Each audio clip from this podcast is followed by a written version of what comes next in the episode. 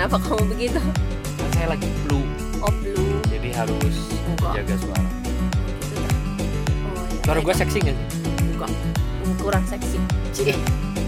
Oh, karena suara ya. Karena saya kan bukan auditori. Kamu apa ya? Oh sentuhan ya, Kinestetik. ya, ya kinestetik ya. Iya, iya. Kecuali saya bersuara seperti ini dan menyentuh kamu. Gitu, ya. Iya. Itu baru ya. Ya, Oke. baru ada tekanan-tekanan tertentu. Baiklah, kita sekarang memasuki episode 156 Woi. dan gue berjanji kemarin gue akan menceritakan eh, sesuatu yang dark dalam kehidupan gue. Itu dark ya? Saya Iya. juga belum tahu sih. Gue belum tahu dia mau cerita apa. Apa tuh? Kamu udah tahu lah sebetulnya. Oh, saya kemarin udah tahu. saya udah cerita. Tapi Oh, sebe- sekelumit iya. sedikit saja. Ya, Jadi ya. gue mau cerita begini. Gini, kemarin gue dapat kabar bahwa bokap gue nggak ada. Ya bokap gue meninggal dunia gitu ya. Jadi itu aja satu satu hal yang aneh bahwa ada seorang anak yang mendapatkan kabar papanya nggak ada, eh, bapaknya nggak ada dan gue datar aja gitu, biasa aja gitu. Dan kamu dapat kabarnya juga nggak biasa kan? Iya nggak biasa. Jadi gue dapat jadi ternyata bokap gue itu sudah meninggal dari 31 Desember 2018. Oh ya? Iya.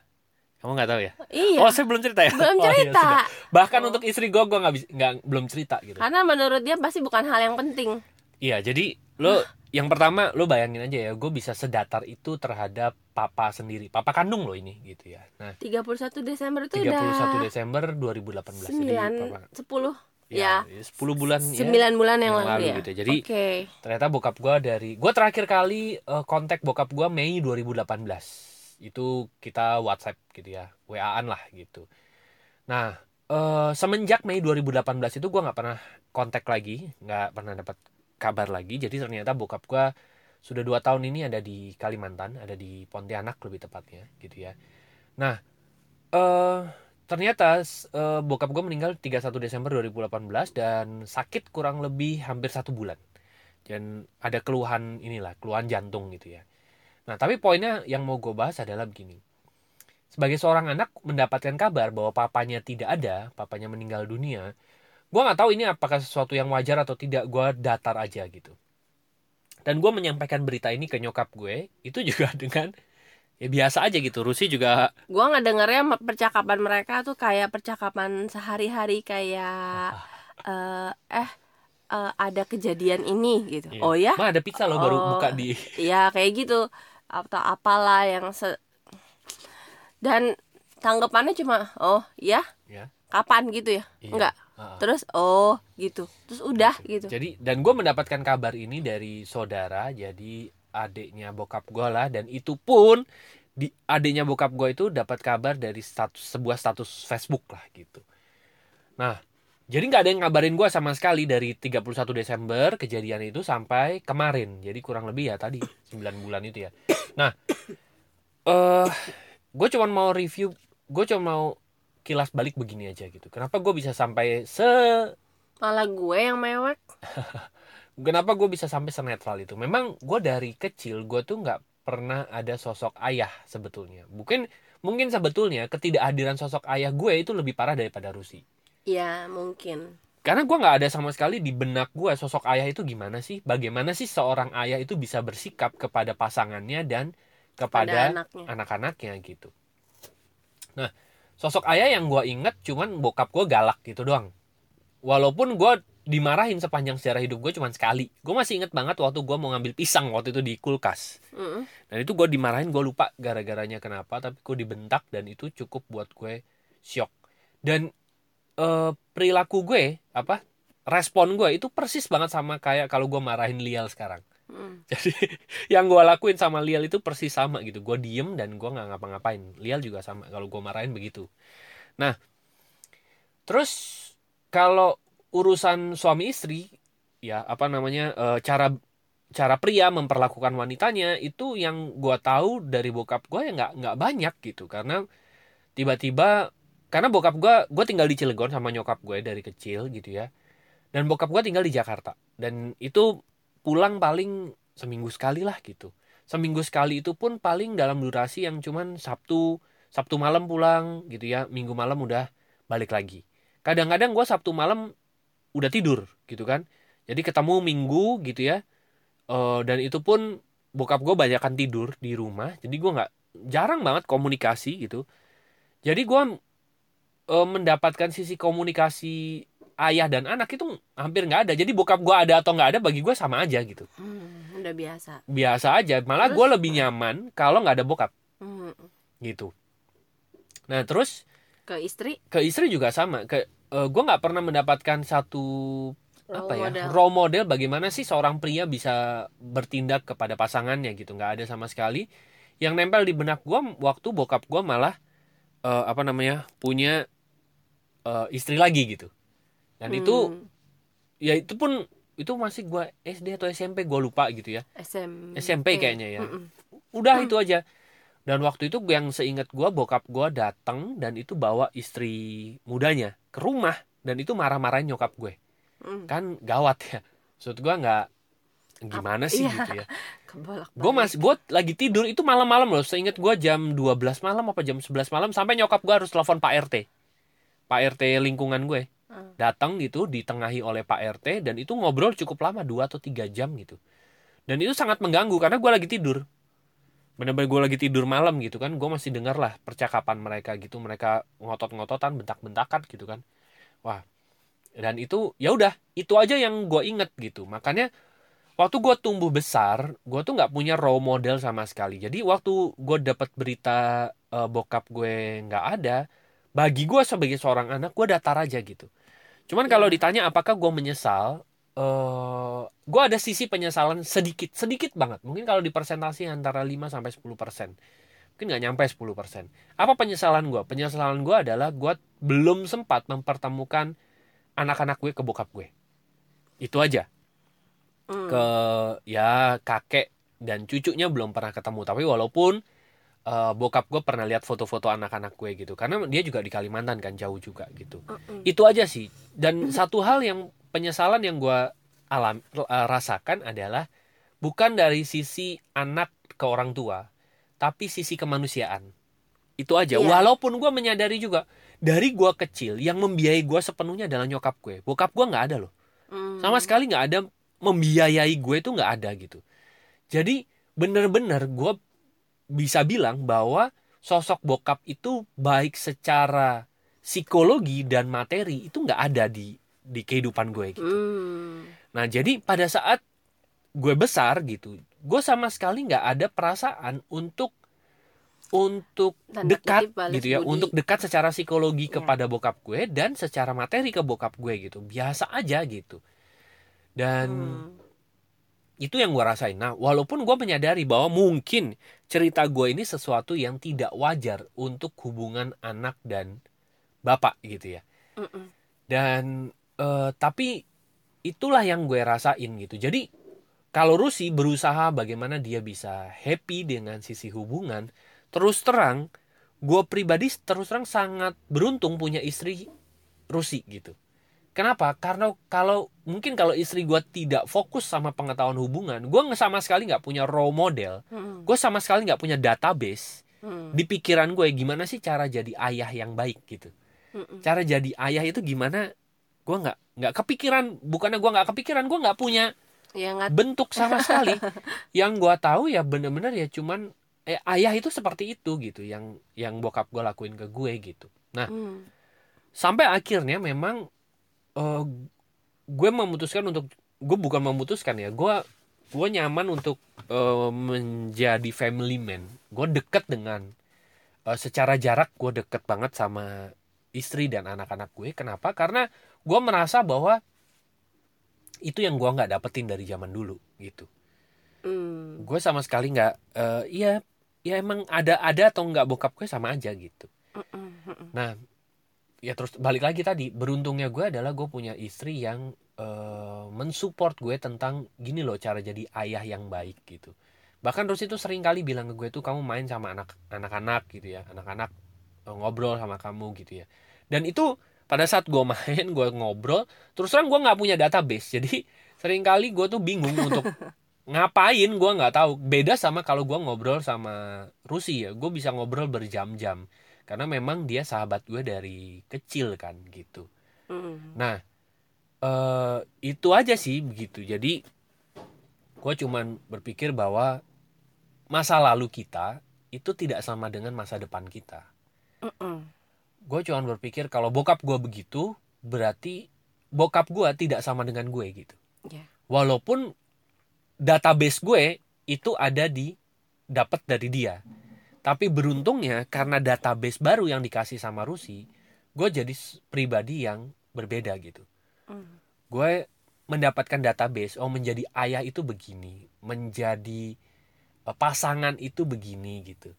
Dan itu gue dapetin dari belajar dari pengetahuan-pengetahuan tentang parenting tentang hubungan. Jadi menurut gue oh ini ada kalimat yang kurang sebetulnya.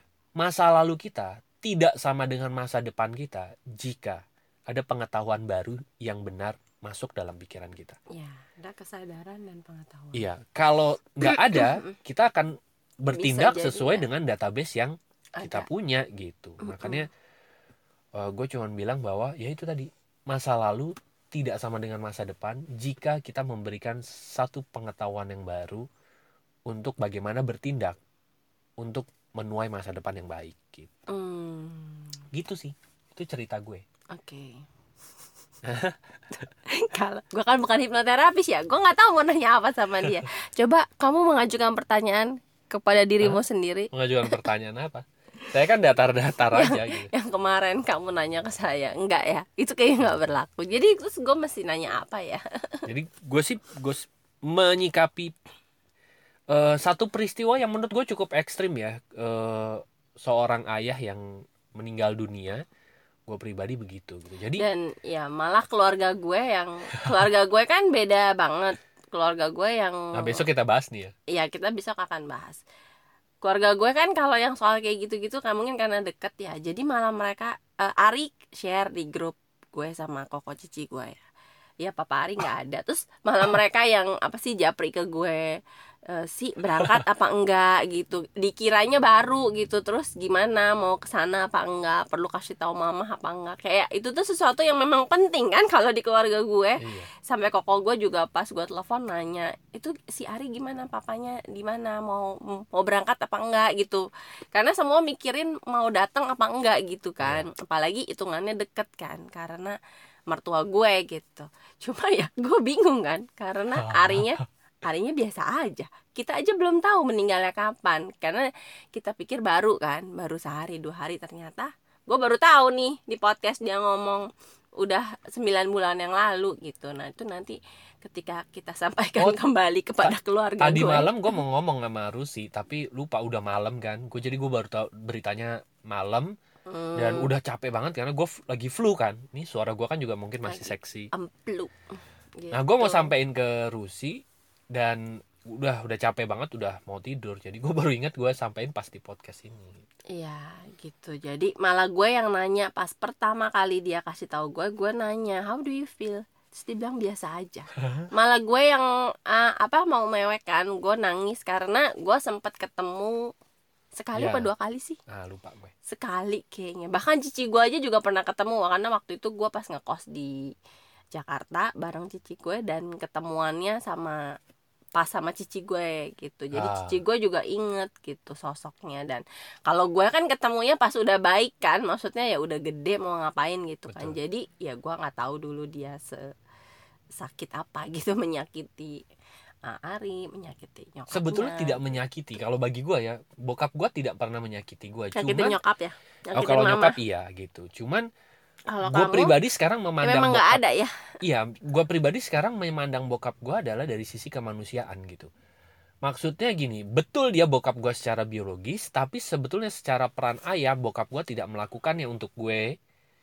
Dan bener-bener makanya gue nggak punya database se- eh, sosok ayah itu gimana gitu. Sama Jadi, sekali sama sekali. Datar mungkin karena memang nggak ada apa-apa gitu ya? Iya, mungkin mungkin sebetulnya mungkin ya gue pikir sisi gue tuh bener-bener mungkin nggak mendapatkan sosok ayah jauh lebih parah dari Rusi gitu. Tapi Hmm. bagi gue cowok ya, terus terang ya, gue nggak terjerumus ke dunia-dunia gelap aja menurut gue sebuah keberuntungan besar buat kehidupan gue loh gitu ya karena mama kamu kayaknya protek ya gitu. protek dan kamu juga mungkin ya belajar menghargai mama karena dia Ya. ya kamu lihat gimana susahnya mama sendirian loh betul itu nah Ya, jadi jadi kadang-kadang eh, ya itu ya segala sesuatu punya dua sisi. Ada anak yang broken home jadi rusak tapi ada anak yang justru karena broken home dewasa lebih cepat gitu. Ya karena ngelihat oh eh, mamanya single parent berusaha jadi tumbuh jiwa untuk lebih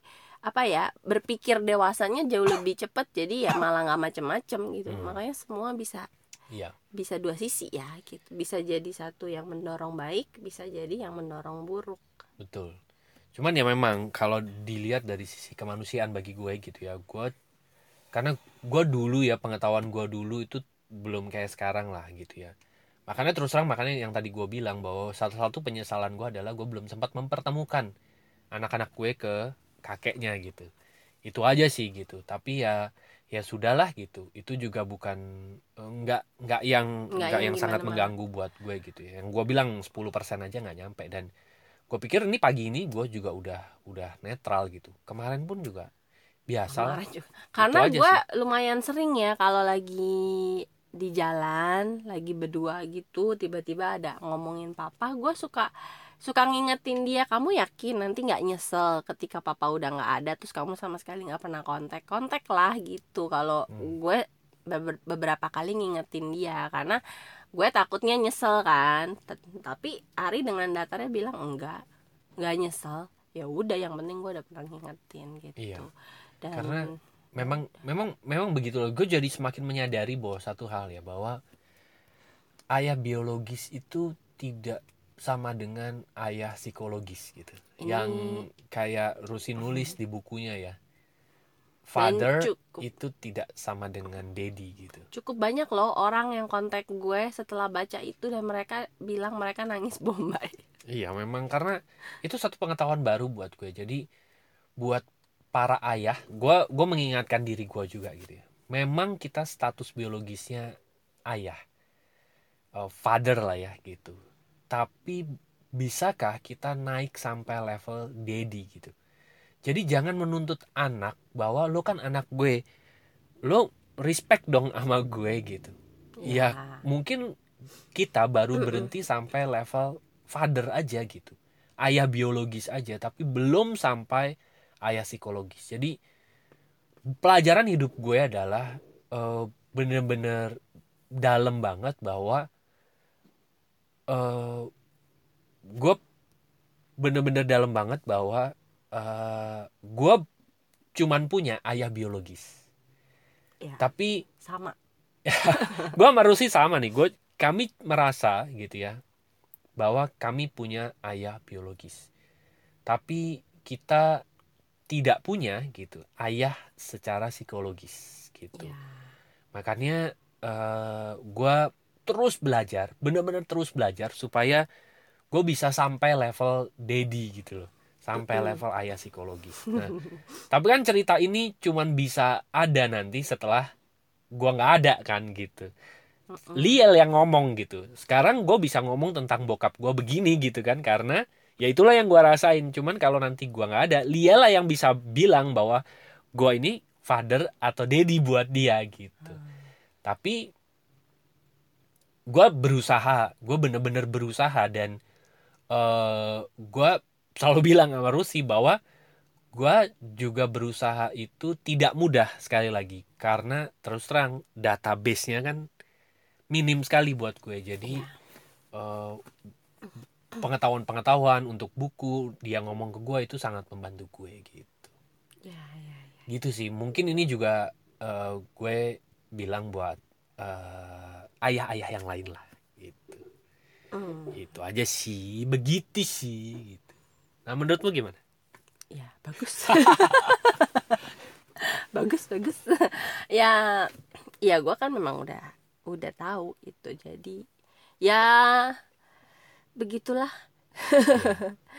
Eh, apa sih kemarin gue pas waan sama cici gue ya dan gue bilang harinya biasa aja ci. Datar. Dia dia nyampein ke mama aja kayak menyampaikan berita sehari-hari gitu Heeh. terus ya gue cuma bilang sama- cici gue eh lucu ya hidup banyak Iya. banyak macam-macam cerita orang ada orang yang ya ini gue baru tahu gitu ada orang yang papanya meninggal dan eh, ya Biasa begini aja. kejadiannya biasa aja dan bahkan taunya dari eh, Facebook bukan disampaikan langsung dan ternyata kejadiannya sudah 9 bulan berlalu gitu kan jadi ya ya memang hidup itu eh, menurut gue sih macam-macam lucu di, di di satu sisi lucu karena ada ya yang begitu gitu dan ya apa ya Iya. ya udah begitu Begitulah teman-teman. Jadi eh, itu cerita ini ceritaku. Apa ceritamu?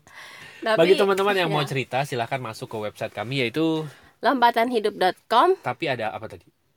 Tapi ada apa lupa Tadi saya kamu bilang mau apa? Hmm, lupa Oh lupa ya udah. Silakan masuk ke website kami yaitu lompatanhidup.com. Nanti ada tiga page di sana. Ada page apa aja? home counseling dan event dan Bisnis. bisnis Silakan masuk sesuai dengan kebutuhan teman-teman. Home buat chit chat, counseling event buat eh, sesi buat sesi layanan profesional ya, kami ya untuk melayani konseling dan event. terapi Terapi juga dan mengundang kami event dan bisnis adalah untuk kita bisnis bareng-bareng. Gitu ya, ya teman-teman dapat mendapatkan rekomendasi bisnis dan kita bisa bisnis bareng dan nanti ada program mentoringnya juga. Oke? Eh gerakan pasif income itu nyata sudah mulai berapa hari yang ini? Dua hari ini ya? Eh tiga hari ya sorry. Tiga hari ini. Pembukaan batch kedua sudah dibuka. Silahkan daftar. Boleh masuk ke website kami yaitu lompatanhidup.com masuk ke home boleh. Nanti tulis saja mau ikut dong gerakan pasif income itu nyata. Nanti ada video previewnya. Silahkan nonton dulu. Kalau cocok silahkan ikut. Nanti di batch kedua atau batch berapapun yang nanti teman-teman dengar podcast Yay, Oke. masuk aja ke home pokoknya ya. Oke, terima kasih sudah mendengarkan episode 156 ini. Kita ketemu lagi ya di episode berikutnya. Thank you. See you. Bye bye. Bye bye, see you.